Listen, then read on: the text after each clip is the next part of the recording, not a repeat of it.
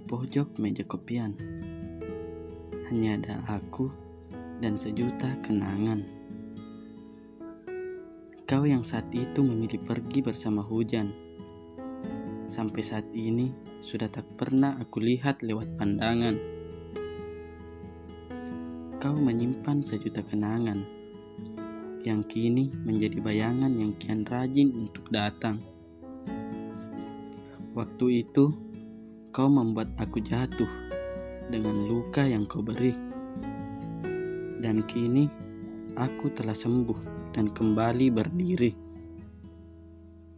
Bolehkah aku melangkahkan kaki ini menuju pada hatimu yang telah berpenghuni? Aku tak bermaksud untuk mengganggumu dengan pilihanmu yang bukan diriku. Aku hanya ingin menyampaikan ucapan terima kasih bahwa kau telah membuatku lebih baik meski dengan caramu yang tak baik.